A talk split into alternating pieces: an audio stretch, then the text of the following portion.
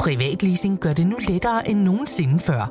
Når det kommer til elbiler, er Polestar 2 en sand stjerne på himlen. Med privatleasing af Polestar 2 får du ikke kun glæden af at køre en topmoderne elbil, men også fordelene ved lave driftsomkostninger lige fra dag 1. Du slipper for bekymringer om vedligeholdelse og service, for alt er inkluderet i den faste månedlige pris. Oplev friheden ved privatleasing af en Polestar 2. Besøg polestar.com.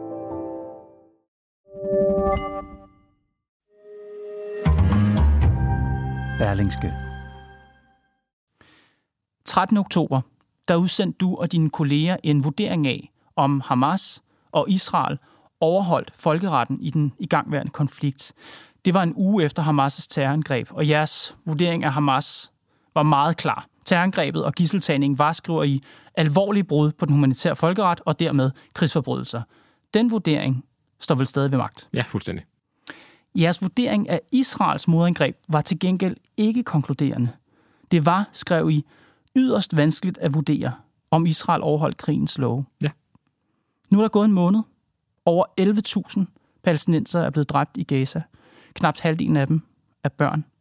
Synes du stadig, det er yderst vanskeligt at vurdere, om Israel overholder krigens love? Nej. Mark Schack er lektor ved Juridisk Fakultet på Københavns Universitet. Han forsker i folkeret, regulering af krigsførelse og beskyttelse af civile under krig og konflikt. Og så er han en del af Intermil, et samarbejde med Forsvarsakademiet og Center for Militære Studier, som hjælper myndighederne med at holde skarpt øje med Israel-Palæstina-konflikten. Kort sagt er Mark den helt rigtige at stille det brændende spørgsmål, der er centralt for debatten om krigen i Gaza. Begår Israel krigsforbrydelser i deres forsøg på at eliminere Hamas? Det spørger jeg Mark om i dag. Velkommen i Pilestræde.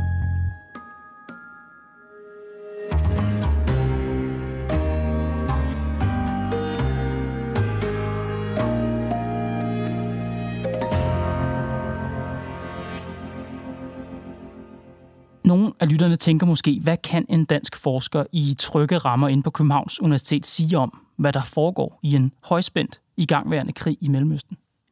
Jeg kan nok primært være nøgtern, og jeg kan bruge min, min folkeretlige viden til at analysere, uden at have de store følelser med i bagagen. Når du ser, hvad der foregår i debatten, hvad tænker du så? Jeg tænker, at den er utrolig skinger, og der er mangel på stemmer, der er villige til at anerkende, at der måske er to parter, der ikke handler, som man bør. Mm-hmm. Israel is at war. We didn't want this war.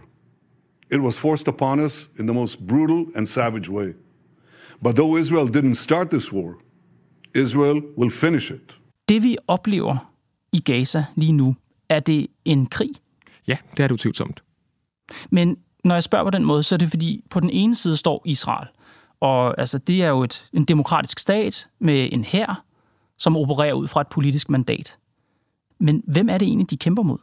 Jamen, de kæmper mod Hamas, som er en ikke-statslig aktør. Øhm, og når en ikke-statslig aktør er tilstrækkeligt øh, organiseret og, og kæmper en væbnet kamp, jamen, så kan du godt have en væbnet konflikt, øhm, som så bare som udgangspunkt er ikke international. Men når du skal vurdere, om Israel overholder krigens lov, gør det egentlig nogen forskel, at Hamas ikke gør? Nej, det gør det ikke. Øh, Israels forpligtelser er, er uforandret, øh, uanset om Hamas overholder krigens lov eller ej. Så det, det har ikke noget øh, at sige. Du er her i dag, Mark, for at komme med en opdateret vurdering af Israel og deres krigshandlinger. Og lad os kigge på de ting, som, som falder helt oplagt i øjnene, øh, når man skal vurdere det. Først og fremmest det voldsomme tabstal. Siden du og din kollega for en måned siden skrev, at det var yderst vanskeligt at vurdere, om Israel overholdt krigens love, der er de civile tabstal steget voldsomt. De tal, vi gennemgår nu, kommer jo fra det Hamas-kontrollerede sundhedsministerium i Gaza. Er det de samtaler, du opererer med, og er det troværdige tal? Det er de samtaler, jeg bruger også, ja. Og jeg bruger dem og anser dem som overordnet troværdige, fordi det gør de globale humanitære organisationer og FN og lignende også. Øhm, og når man har efterprøvet tallene tidligere, så har man nået frem til, at de her tal har været rimelig valide. Om de så er valide i den her sammenhæng, det er det, der bliver debatteret, men historisk har de i hvert fald været noget, man kunne stole på. Og lad os kigge på tallene. Vi to taler sammen i dag mandag, øhm, og på nuværende tidspunkt er over 11.000 palæstinenser blevet dræbt af bombardementer og landkrig.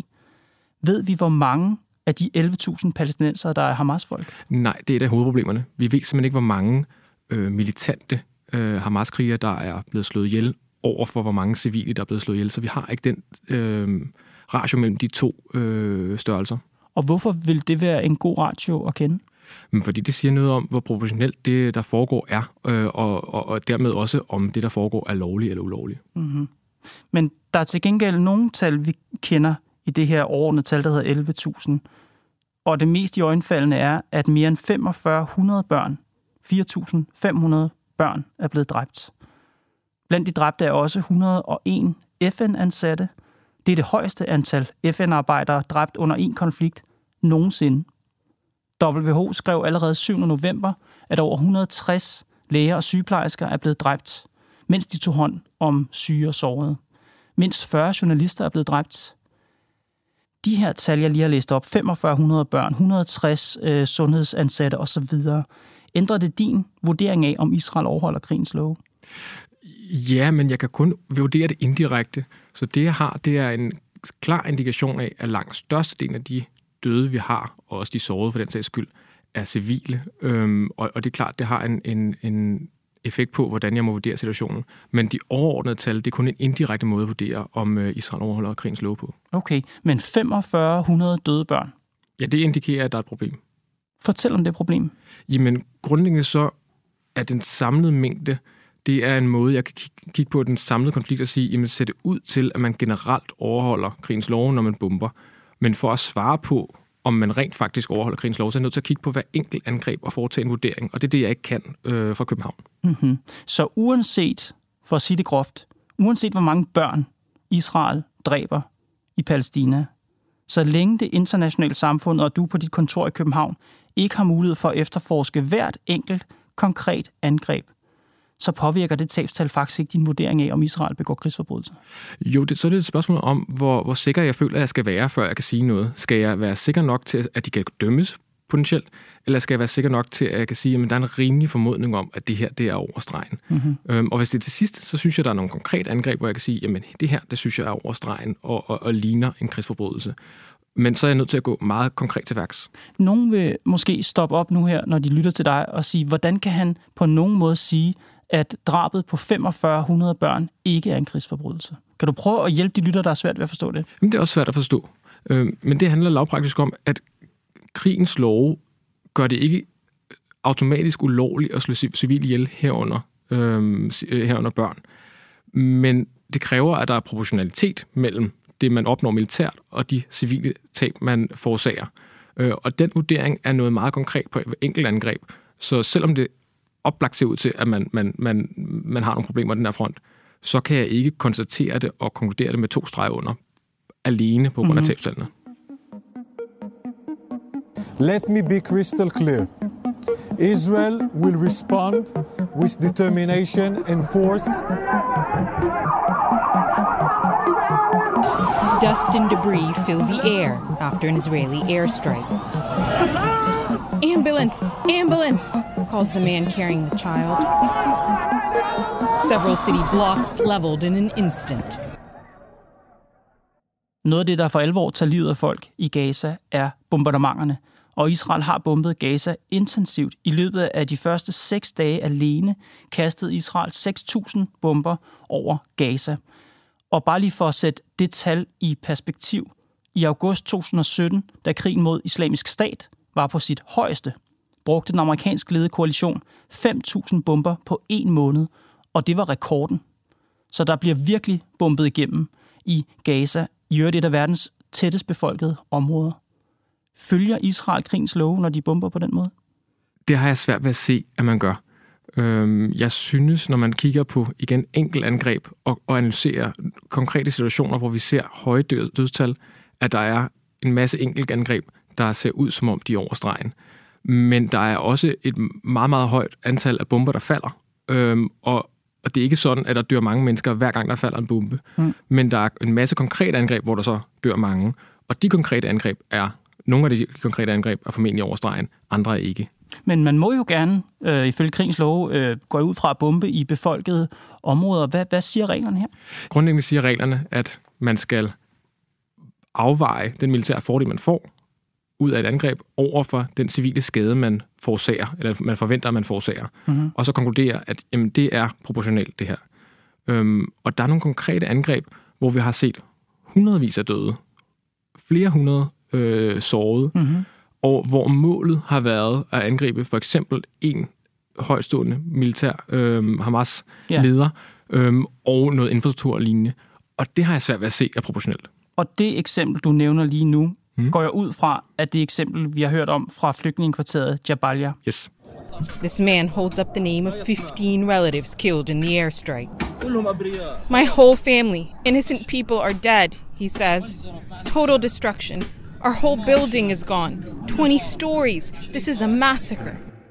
30. oktober og formentlig dagene efter bombede Israel øh, det her område. Det er et meget tæt bebygget Politikken kalder det for eksempel flygtningekvarter, fordi flygtningelejr lyder lidt misvisende, så mm. forestiller man sig en masse telte. Det er det ikke. Det er tæt bebygget øh, fleretagers betonbyggeri. Men 30. oktober, der bomber Israel det her område, et sted, hvor der bor over 100.000 mennesker. De benyttede, skriver New York Times, deres næststørste bomber i arsenalet. To bomber med en sprængladning på et ton per styk. Øh, billeder fra stedet viser to gigantiske krater og bygninger jævnet med jorden rundt om. Folk, der render rundt og leder efter øh, døde og sårede. Det er uklart, hvor mange der døde. 50 dræbte og 150 sårede, melder sundhedsmyndighederne i Gaza.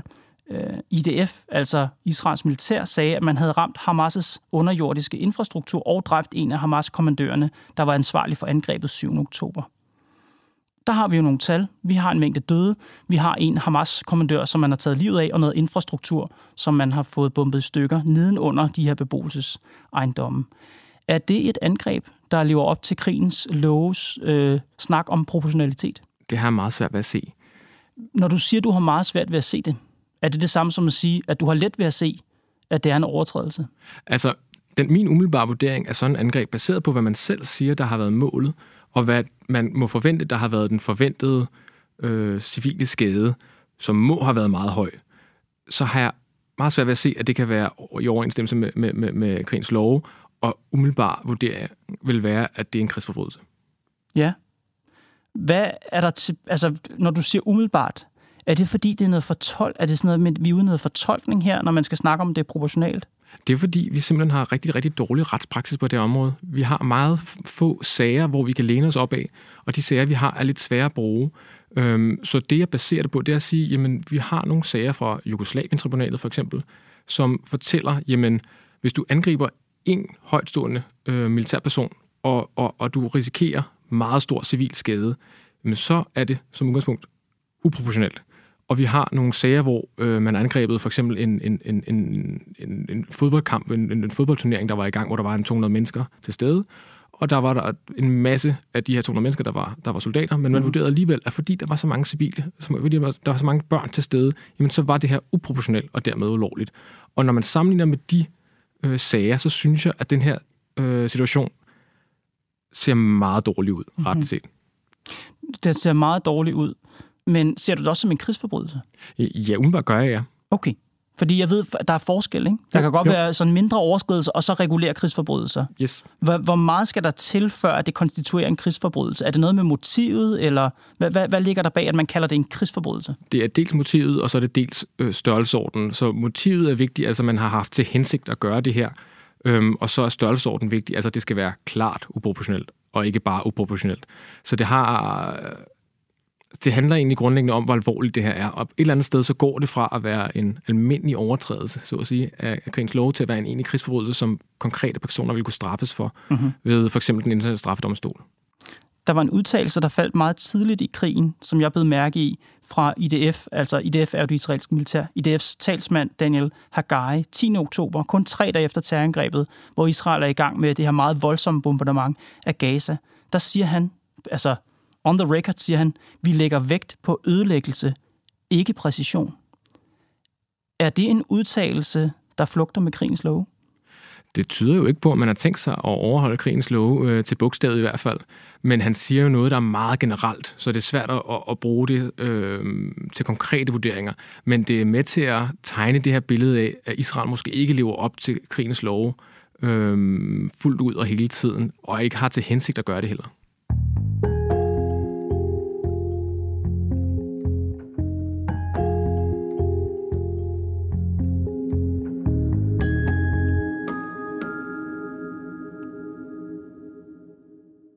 En ting er bombardementerne. En anden praksis, som har mødt meget kritik, er belejringen. Altså at man har afskåret Gaza fra brændstof, mad, vand, medicinsk udstyr og den slags. FN's højkommissær for menneskerettigheder, Volker Turk, siger, indførelse af belejringer, der bringer civilbefolkningens liv i fare, ved at fratage dem varer, der er afgørende for deres overlevelse, er forbudt i henhold til international humanitær lov. Har Israels belejring af Gaza bragt civilbefolkningens liv i fare? Ja, det må man sige. Det, det synes jeg er ret oplagt. Man har lukket ned for, for fornødenheder, og de fornødenheder har, har civilbefolkningen oplagt brug for, og vi ser, at øh, der er flere og flere, der, der, der dør, eller som der, som der bliver syge af, af ikke at have adgang til ren vand og lignende. Så bare alene belejringen af Gaza er en overskridelse af krigens lov? Jamen belejring i den forstand, at man hindrer, at der kan komme fornødenheder frem til civilbefolkningen, synes jeg er en oplagt overtrædelse af krigens lov, og det er der jo et masser af autoriteter, der har sagt. Det har Internationalt Røde Kors sagt, og det har højtstående EU-repræsentanter sagt. Mm-hmm. Det har NGO'er sagt. Så det synes jeg ikke, at der er så meget tvivl om. Er det en ting, at det er en overskridelse af krigens lov? Er vi helt deroppe, hvor du vil kalde det en krigsforbrydelse? Altså belejring alene? Det, det, det synes jeg, det ligner. Jeg vil ikke sige at med to streger under igen, fordi der er noget med hensigt og lignende. Men når man sammenholder det, at man tydeligt har hindret fornødenheder at komme frem, og man har sagt, at man har tænkt sig at lukke fuldstændig ned for, for, for adgangen til den slags i Gaza, og man sagde det fra starten, og det var en reaktion på, på Hamas' angreb, mm-hmm. som så at sige skulle gå ud over hele Gazas civilbefolkning, så synes jeg, det ligner kraftigt en krigsforbrydelse, ja.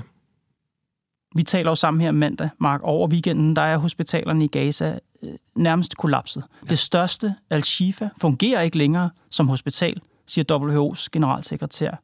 I tre dage har hospitalet ikke haft el og vand. Der er konstante bombardementer og skyderi i området, som har forværret de i forvejen kritiske omstændigheder, siger han.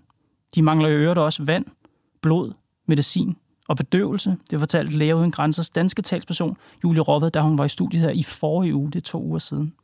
Søndag aften, der døde fem for tidligt fødte babyer, da deres inkubatorer var slukket. De var slukket, fordi der ikke var strøm på hospitalet.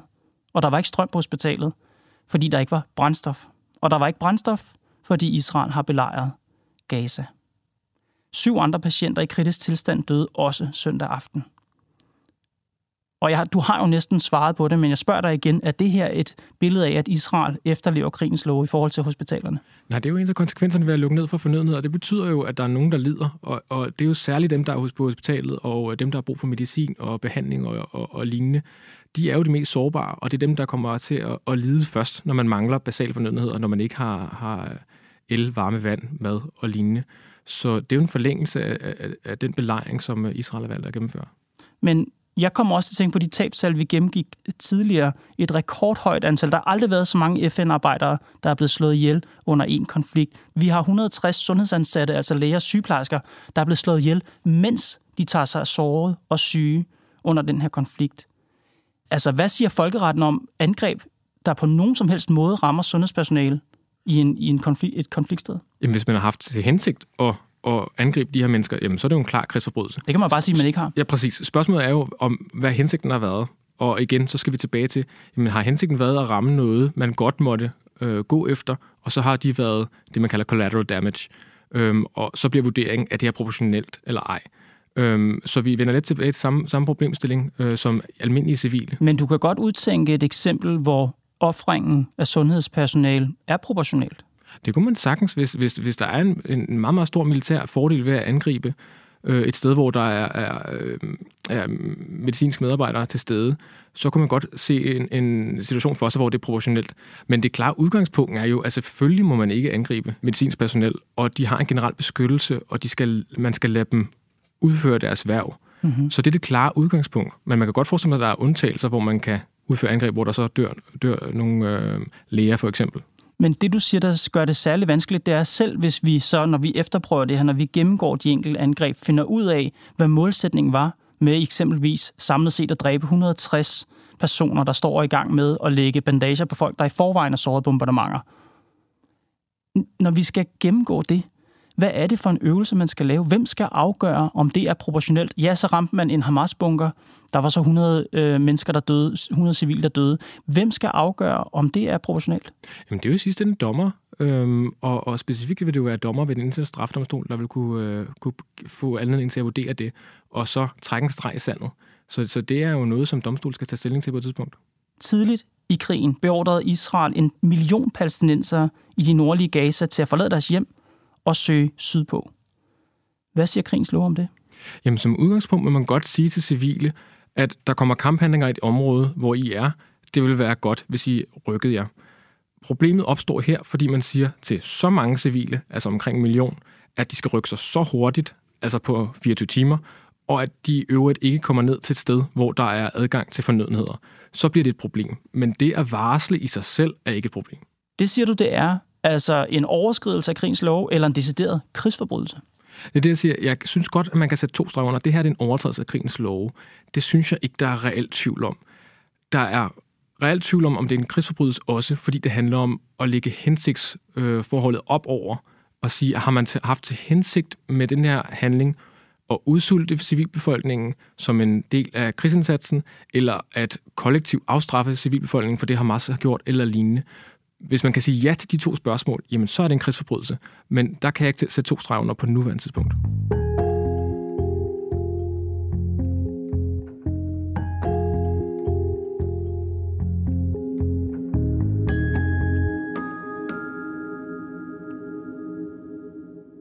Nu har vi talt om de ting, de perspektiver på krigen, som mange mener peger i retning af, at Israel overtræder krigens lov, måske endda begår krigsforbrydelser. Lad os prøve at vende det om. Vi snakkede om evakueringen lige før. Hvis vi, går, hvis vi bliver på den, du siger, det må man jo faktisk godt, det her med at bede folk om at flytte sig.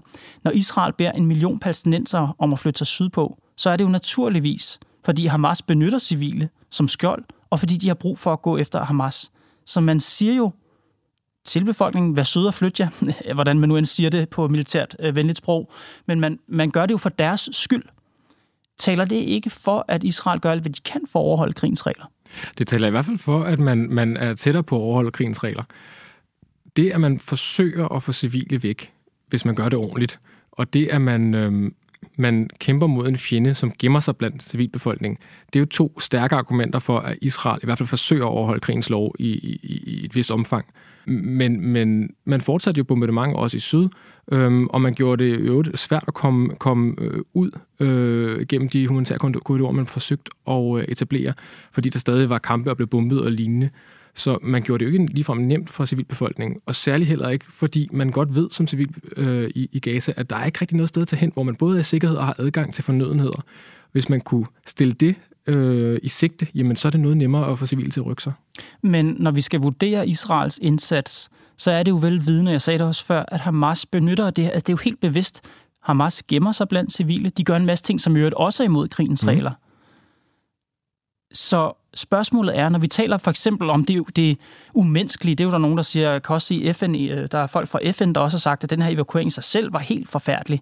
Men det bærer Hamas vel også et ansvar for? Ja, klart, Hamas bærer et kæmpe ansvar for, for øh, stort set alle dele af de, øh, de øh, ting, vi taler om. Hamas er jo ansvarlig for, at den her konflikt er startet i, i første omgang. Hamas er ansvarlig for, at det er så svært for Israel at, at undgå at, at slå civile ihjel, når man går efter Hamas øh, kriger og, og lignende. Og det skyldes jo, at man gemmer sig bag civile, at man, man blander sig med civilbefolkningen. Øhm, og det er klart, det kan man jo ikke tage ud af ligningen. Og det er jo også det, som, som Israel vil, vil pege på. Man kan ikke tage det ud af ligningen, men du sagde jo også til at starte med, at uanset hvor forbryderisk Hamas opfører sig, så fratager det ikke Israel for det endelige ansvar. Nej, det fratager ikke Israel for at leve op til krigens love, og det fratager heller ikke Israel øh, øh, en forpligtelse til at forsøge at adskille øh, militære mål og, og civile. Men det gør det meget sværere, så man kan godt forestille sig, at der er masser af de angreb, som har meget ulykkelige følger, som sådan set er lovlige nok, mm. at vi ser flere og flere af dem, fordi Hamas gemmer sig bag øh, civile. DR lavede et, synes jeg, meget interessant interview med en talsperson for IDF, også tidligt i krigen. Og der går de ham lidt på klingen med det her med, om de opfører sig, som de skal. Og så siger han, og jeg synes bare, vi skal lytte til ordene, I kan ikke forvente, at Israel ikke beskytter sin civilbefolkning, bare fordi Hamas gemmer sig bag sin. Er det et, jurid, er det et rationale, der holder juridisk? Nej, nej, overhovedet ikke de, de her indikationer af, at fordi mod, modparten gør et eller andet, så har vi lov til at lade være med at følge reglerne. Det, det fungerer hverken den ene eller den anden vej. Men det han mener er vel, hvis vi ikke går med meget, meget hård hånd nu efter Hamas, og ja, det koster også civilpalæstinenserlivet. Hvis ikke vi gør det, jamen så vender de jo tilbage og dræber vores civilbefolkning en gang til. Så skal vi igen se på forfærdelige videoer af folk, der bliver voldtaget og halshugget og bortført. Det kommer til at ske en gang igen, hvis vi ikke tager fat om Nellens rod og ja, det kommer til at gøre ondt også på, den, på civilfolkningen. Sådan må det være. Ja, og det handler om den sådan overordnede legitimitet af selve krigen, men ikke de enkelte angreb. Og der er man nødt til at adskille den overordnede krig fra de enkelte angreb. Og det, jeg taler om, når jeg taler om krigsforbrydelser, det er enkelte elementer i krigen. Det overordnede spørgsmål om, var krigen øh, rimelig og lovlig og, og lignende, det er ikke relevant for, om krigsforbrydelser bliver begået i løbet af konflikten. Nu er jeg jo ikke ansat af IDF. Øh, jeg har en lille smule militær baggrund, men jeg kunne forestille mig, at som militærpersonel og som ansvarlig for en utrolig, utrolig svær operation i Gaza, så vil man også synes, at sådan nogen som dig er lidt irriterende. At sådan nogen, der skal komme nitty gritty og kigge på hver enkelt lille bombe, vi smider, og hver enkelt lille kugle, vi skyder, om det hele har været efter bogen. Prøv at høre, sådan fungerer det bare ikke. Der er krig, det er forfærdeligt, ja. Vi er bare nødt til at køre videre. Ja, ja, det er det, der sikkert mange, der vil mene. Men det ændrer jo ikke på, at det er sådan nogen som mig, der sidder øh, nede i IDF og vurderer, om hver enkelt angreb må udføres eller ej. Øhm, så så det, er jo, det er jo øh, en, en juridisk analyse, der ligger bag de enkelte angreb, som foretages. Så det kan ikke komme bag på nogen, at der så også vil sidde sådan nogen som mig bagefter og vurdere, om det så også var en rimelig Men vurdering. det lyder da meget betryggende. Altså, så hvorfor har vi så egentlig den her samtale, hvis IDF har jurister som dig siddende, for at sikre sig, og du ved, blåstemple hver enkelt bombe, de kaster, hver enkelt angreb, de laver, så burde der ikke være noget at komme efter? Ja, det er desværre ikke en garanti for, at man overholder reglerne.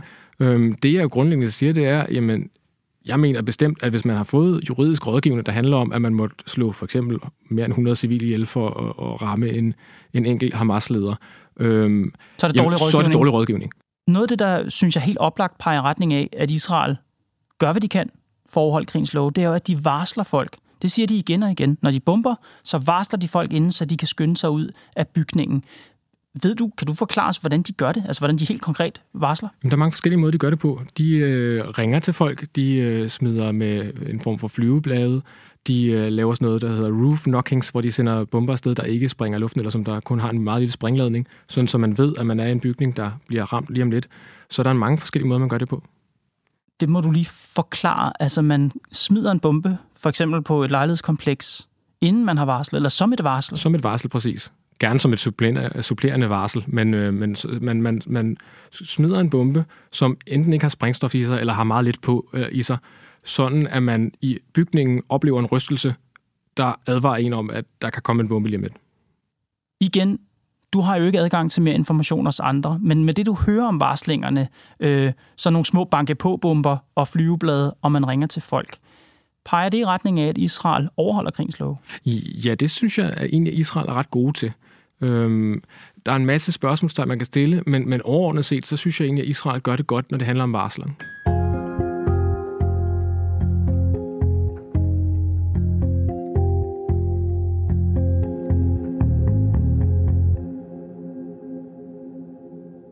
Mark, efter alle de her detaljer, og tak for at gennemgå dem, så lad os forsøge at gøre brættet op. For en måned siden, der sagde du, at det var yderst vanskeligt at vurdere, om Israel overholdt krigens love. På baggrund af de oplysninger, vi har nu, og som vi to har gennemgået her i studiet, hvad er så din samlede vurdering af Israels krigshandlinger i Gaza? Jeg synes, det er ganske klart, at man ikke overholder krigens love, når det kommer til at levere eller tillade nødhjælp til civilbefolkningen. Og jeg synes, at den politik, man har omkring nødhjælp, kunne godt ligne en krigsforbrydelse også. Omkring bumpningerne, så er det sværere, hvor jeg ser en masse bumpninger, der ser ud som om de er lovlige, og så ser jeg også en hel del konkrete bumpninger, som jeg synes som udgangspunkt ser ulovlige ud. Og nogle af dem ligner også krigsforbrydelser. Så du siger jo helt klart, at Israel overtræder krigens love, det overtræder sig folkeretten. Nogle af de ting, de gør, er faktisk muligvis også reelle krigsforbrydelser. Andre bruger endnu hårdere ord om Israels fremfærd. De kalder krigen i Gaza for et folkedrab. Nej til Israels folkedrab! Nej til Israels til Israels folkedrab! From the river to the sea! From the river to the sea! Palestine will be free! Hvad siger du om den anklage? det er en retorik, som jeg synes er, er meget voldsom, og som jeg ikke synes har dækning i folkeretten. Hvorfor ikke? Fordi vi ser jo, igen, alle os uh, lægfolk, der står uh, ved siden af, vi ser tusinder af civile blive dræbt. Vi ser tusindvis af børn blive dræbt. Hvorfor er det ikke et folkedrab? Jamen det er, fordi det kræver en folkedrabs hensigt, og det kræver nogle konkrete handlinger, der er knyttet op på den hensigt.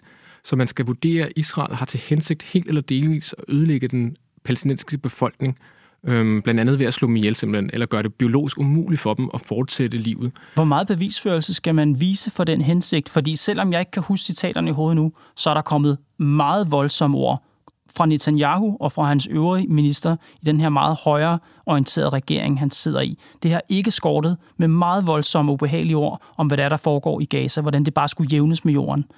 Det synes jeg, der peger på en hensigt. Jamen, det gør det. Øhm, der, der er blevet sagt meget, som, som, som smager hen af en folkedrabshensigt, men der er bare ikke en klar kobling mellem det, som der er blevet sagt, og så det, der sker på jorden. Som vi lige har snakket om, så er der jo rigtig, rigtig mange bombninger. Øhm, og der er ikke noget, der tyder på, at man generelt har til hensigt at slå civile ihjel. Det, det tyder på, det jeg taler om, det tyder på, det er, at man måske ikke tager nok hensyn til de civile. Øhm, så hvis man ikke kan nå derhen og sige, jamen man bomber for eksempel for at slå civilbefolkningen ihjel, eller man forhindrer øh, adgang til fornødenheder for at forhindre, at øh, den palæstinensiske befolkning mm. kan videreføres biologisk, mm. men så er vi der ikke endnu. Men du fortalte mig jo før, at IDF har sådan nogle kloge jurister siden som dig. Så hvis man bare skal spekulere en lille smule, så kan de jo øh, sagtens have sagt, hey venner, vi skal lige undgå, at det her ser folkedrabsagtigt ud. Så vi skal ikke bombe, så det ligner, at hensigten er at slå civil ihjel. Det skal bare være collateral damage i rigtig stor grad. Så længe vi kan få det til at se ud, som om det ikke er folkedrab, så kan I bare give den gas.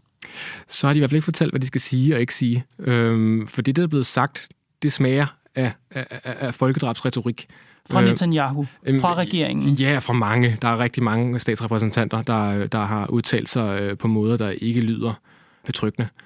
Og, og, og hvis, hvis de har følt juridiske råd, så, så har de fået dårlig juridisk rådgivning, så det gør ud fra, at de ikke har fået. Den smag af folkedrab i Netanyahus udtalelser og andre ministers udtalelser, er den i sig selv kriminel? I øjeblikket taler vi jo meget i Danmark om, hvad man må sige, når man demonstrerer på gaden. Hvis man siger jihad i øjeblikket på gaden, så kan man blive straffet for det.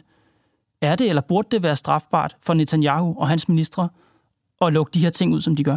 Ikke i sig selv, men der er regler om, at du ikke må opfordre til opildende til folkedrab. Så det kunne godt komme, øh, komme på tale, men vi, vi taler trods alt om noget, der er både tidsmæssigt et, et, et, længere fremme, og som der også er svært at forestille sig lige nu. Men det er klart, det smager derhen af. Kan du nævne konkret nogle af de udtalelser, som du synes smager af folkedrab? Jamen, jeg synes, de her udtalelser om, at man ikke anser den palæstinensiske befolkning for adskilt fra Hamas og lignende. Jeg tror, det var den israelske præsident, der havde en udtalelse om det. Det er den slags, som, som jeg synes, der er bekymrende. Den her manglende kobling mellem, hvad Netanyahu siger, som du siger, smager folkedrab, og den måde IDF bomber på i Gaza. Du siger, at bombardementerne, det peger ikke på, at man har til hensigt at dræbe palæstinenserne, fordi de er palæstinenser, fordi mm. man gerne vil af med dem. Giv mig noget konkret her. Hvorfor, hvorfor synes du ikke, det peger på det? Jamen, hvis man skal være meget øh, lavpraktisk, så kan man tælle bomber. For en uges tid siden, der blev det rapporteret om, at man havde udført ca. 12.000 angreb. Og det tal, det er næsten en til en, hvor mange døde vi har. Mm-hmm. Så i snit, der slår et angreb en person ihjel. Det lyder ikke som et angreb, der har til formål at slå civile ihjel generelt. Så kan vi tale om enkelte angreb, men det generelle billede er ikke et folkedrabsbillede, der, hvor man har til hensigt at ødelægge civilbefolkningen. Vi har talt længe, Mark. For lige at opsummere, så folk ved, hvor juristen står henne. Hvis vi skal placere Israel på en skala her. Overtrædelse af folkeretten, helt sikkert. Mm. Krigsforbrydelser, formentlig. Ja. Folkedrab, overhovedet ikke. Ja. Du fortalte i starten, at du er bekymret over, hvor skinger debatten er i øjeblikket. Hvad håber du folk tager med fra det interview, de har lyttet til nu? Jeg håber, at støtterne fra de, fra de forskellige parter vil være i stand til at se, at der er rigtig god grund til at anse den her konflikt som meget kompliceret, og at der er rigelig skyld at dele ud, både til den ene side og til den anden side. Men det betyder ikke, at man ikke kan finde ud af at fordømme Hamas angreb for eksempel, eller man ikke kan finde ud af at sige, at Israel de går rigtig langt i deres angreb på civile, og det er helt forfærdeligt, hvad der foregår. Mark Schack, Tak fordi du kom, Pilestræd. Selv tak.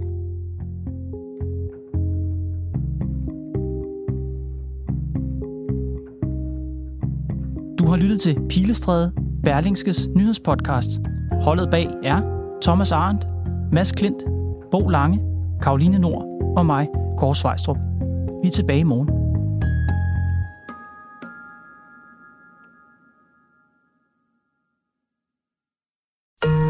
Podcasten er sponsoreret af EGN. Bliv en del af en professionel netværksgruppe med folk, der forstår dig. De kan hjælpe og inspirere dig gennem dit arbejdsliv, så du hurtigere finder de gode løsninger. Find dit nye netværk på egn.dk.